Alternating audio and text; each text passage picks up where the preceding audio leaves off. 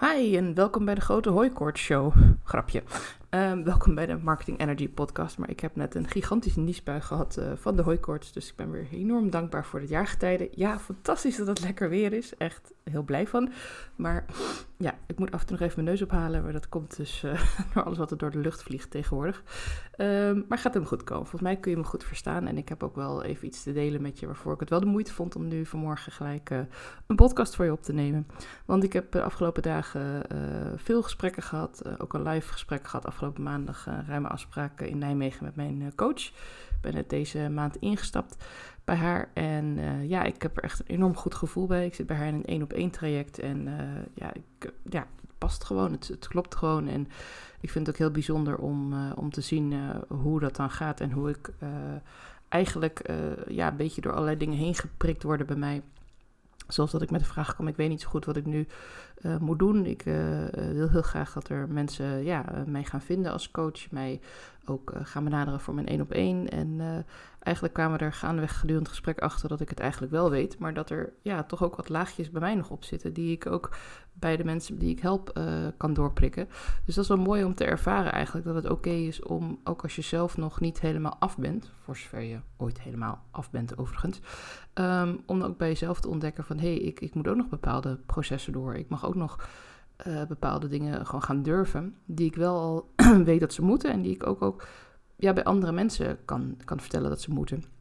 En die ik ook bij andere mensen kan uitleggen hoe ze het moeten doen zelfs. En hoe zij het aan mag pakken. En uh, ja, ook erkennen dat het heel spannend is. Omdat ik dat uh, bij mezelf voel. En ook zie bij die andere persoon. Dus bij mijn klant zie ik dan dat dat ja, het door pijn heen prikken. Drukken op het probleem. Een beetje die pijn naar boven halen. Het echte probleem ontdekken. Dat zijn niet de makkelijkste klussen. Zowel voor degene die het gaat doen als voor degene die het ondergaat. Is dat gewoon vervelend. Maar het is wel een hele goede manier om echt te ontdekken of je iemand kunt helpen. En ik kom er nu eigenlijk achter dat ik dat zelf ook mag doen. Dat ik zelf ook nog iets meer mag prikken in die pijn. Nog iets meer uh, ja, uh, het van de oppervlakte af mag schrapen. En, en ja, voor mij is dat ook lastig. En ik vind het mooi dat zij er doorheen prikt en dat zij dan uh, ook aangeeft van ja, dat is oké en dat hoort erbij. En het is een proces en ik ben al misschien een paar stappen verder dan de mensen die ik help. Maar dat betekent niet dat ik alle wijsheid in pacht heb. En ik leer ook nog steeds van de klanten die ik mag helpen. En dat vind ik een ongelooflijk mooi proces. En dat is denk ik ook de reden dat ik uh, nu zo blij ben dat ik deze onderneming heb. Dat ik elke dag nog bij mag leren. Want ik leer ook van jou. Ik leer ook van, uh, van klanten die ik help. Ik leer van de vragen die ik krijg. Van de mensen die spreken Facebookgroepen.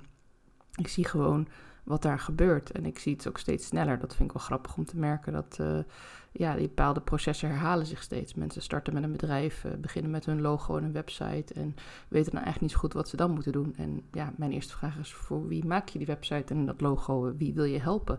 Uh, wat is je aanbod? Uh, welke pijn ga je oplossen? En dan valt het ineens stil. wat ik ook wel kan begrijpen, want dat is juist veel lastiger. Het is veel makkelijker om naar Canva te gaan en een logo te maken. Het is veel makkelijker om een fotograaf te boeken of om je schoonzus of je beste vriendin te vragen om een paar mooie foto's te maken, waardoor jij goed op je website komt te staan met je gezicht. En dat is ook ontzettend belangrijk. Maar het allerbelangrijkste als je begint met marketing en als je begint met jezelf te gaan verkopen is, ja, wie ben ik? Wat kan ik aanbieden? Welk probleem los ik op? En wie heeft dat probleem? En ja, natuurlijk, uh, waar vind ik die persoon? En hoe groot is dat probleem? En is het wel echt het probleem of zit er misschien nog iets achter? En het benadrukken dan van het feit dat iemand een probleem heeft, ja, dat maakt niet dat iedereen je meteen heel aardig vindt. Dat vind ik soms zelf ook wel lastig hoor, dat mensen me niet meer aardig gaan vinden. En, en ik geef toe, ik kijk af en toe ook wel even met een schuin oog naar mijn mailinglijst. Ik denk, jeetje, er zijn mensen weer uitgeschreven. Of uh, naar mijn Instagram-lijst en mensen zich me weer ontvolgden. Niet dat ik dat nou zo heel erg bijhoud, want um, ik ben ook wel heel veel aan het blokkeren op Instagram van al die nep-accounts. Dus ik hou niet precies bij hoe het allemaal gaat. Maar soms dan valt het ineens op. Ik denk... Uh, eigenlijk maar heel soms. het is vooral mijn mailinglijst eigenlijk waar het me opvalt. En daar probeer ik nu meer groei in te brengen. Bijvoorbeeld door mijn e-book meer onder de aandacht te brengen. En dan um, weet ik van mezelf dat mijn eerste neiging is om mijn e-book te gaan herschrijven, om de titel te gaan veranderen. Want ja, het wordt niet genoeg gedownload.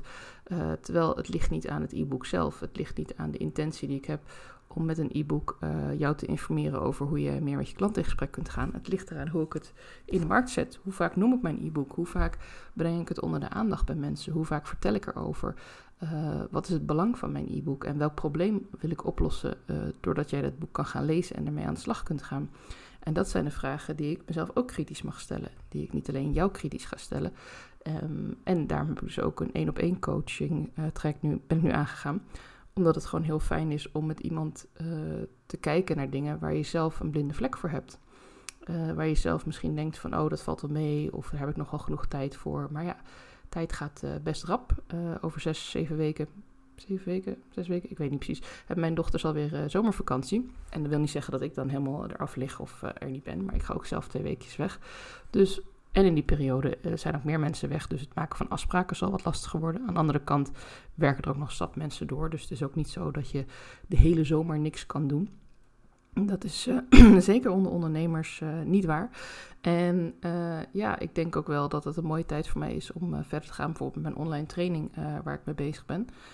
een project waar ik ook weer van voel van jeetje, ja, ik, ik heb echt iets te melden, ik kan echt iets doen en waar ook weer perfectionisme op ligt. Misschien herken je dat, dat je dan bezig bent met je e-book of bezig bent met een training of je bent je aanbod aan het fine-tunen en je loopt tegen je eigen perfectionisme aan.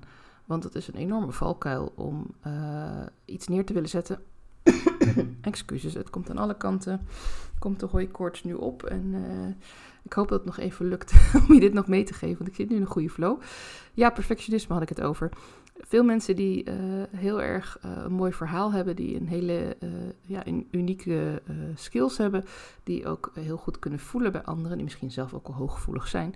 Heel veel daarvan hebben ook last van perfectionisme. Die willen graag aardig gevonden worden. Je wil graag dat mensen tevreden zijn met het werk wat je doet. En je gaat dus steeds verder erin van, ja, kan ik dit nog een beetje tweaken? Kan ik daar nog wat aan doen? Is dit goed genoeg?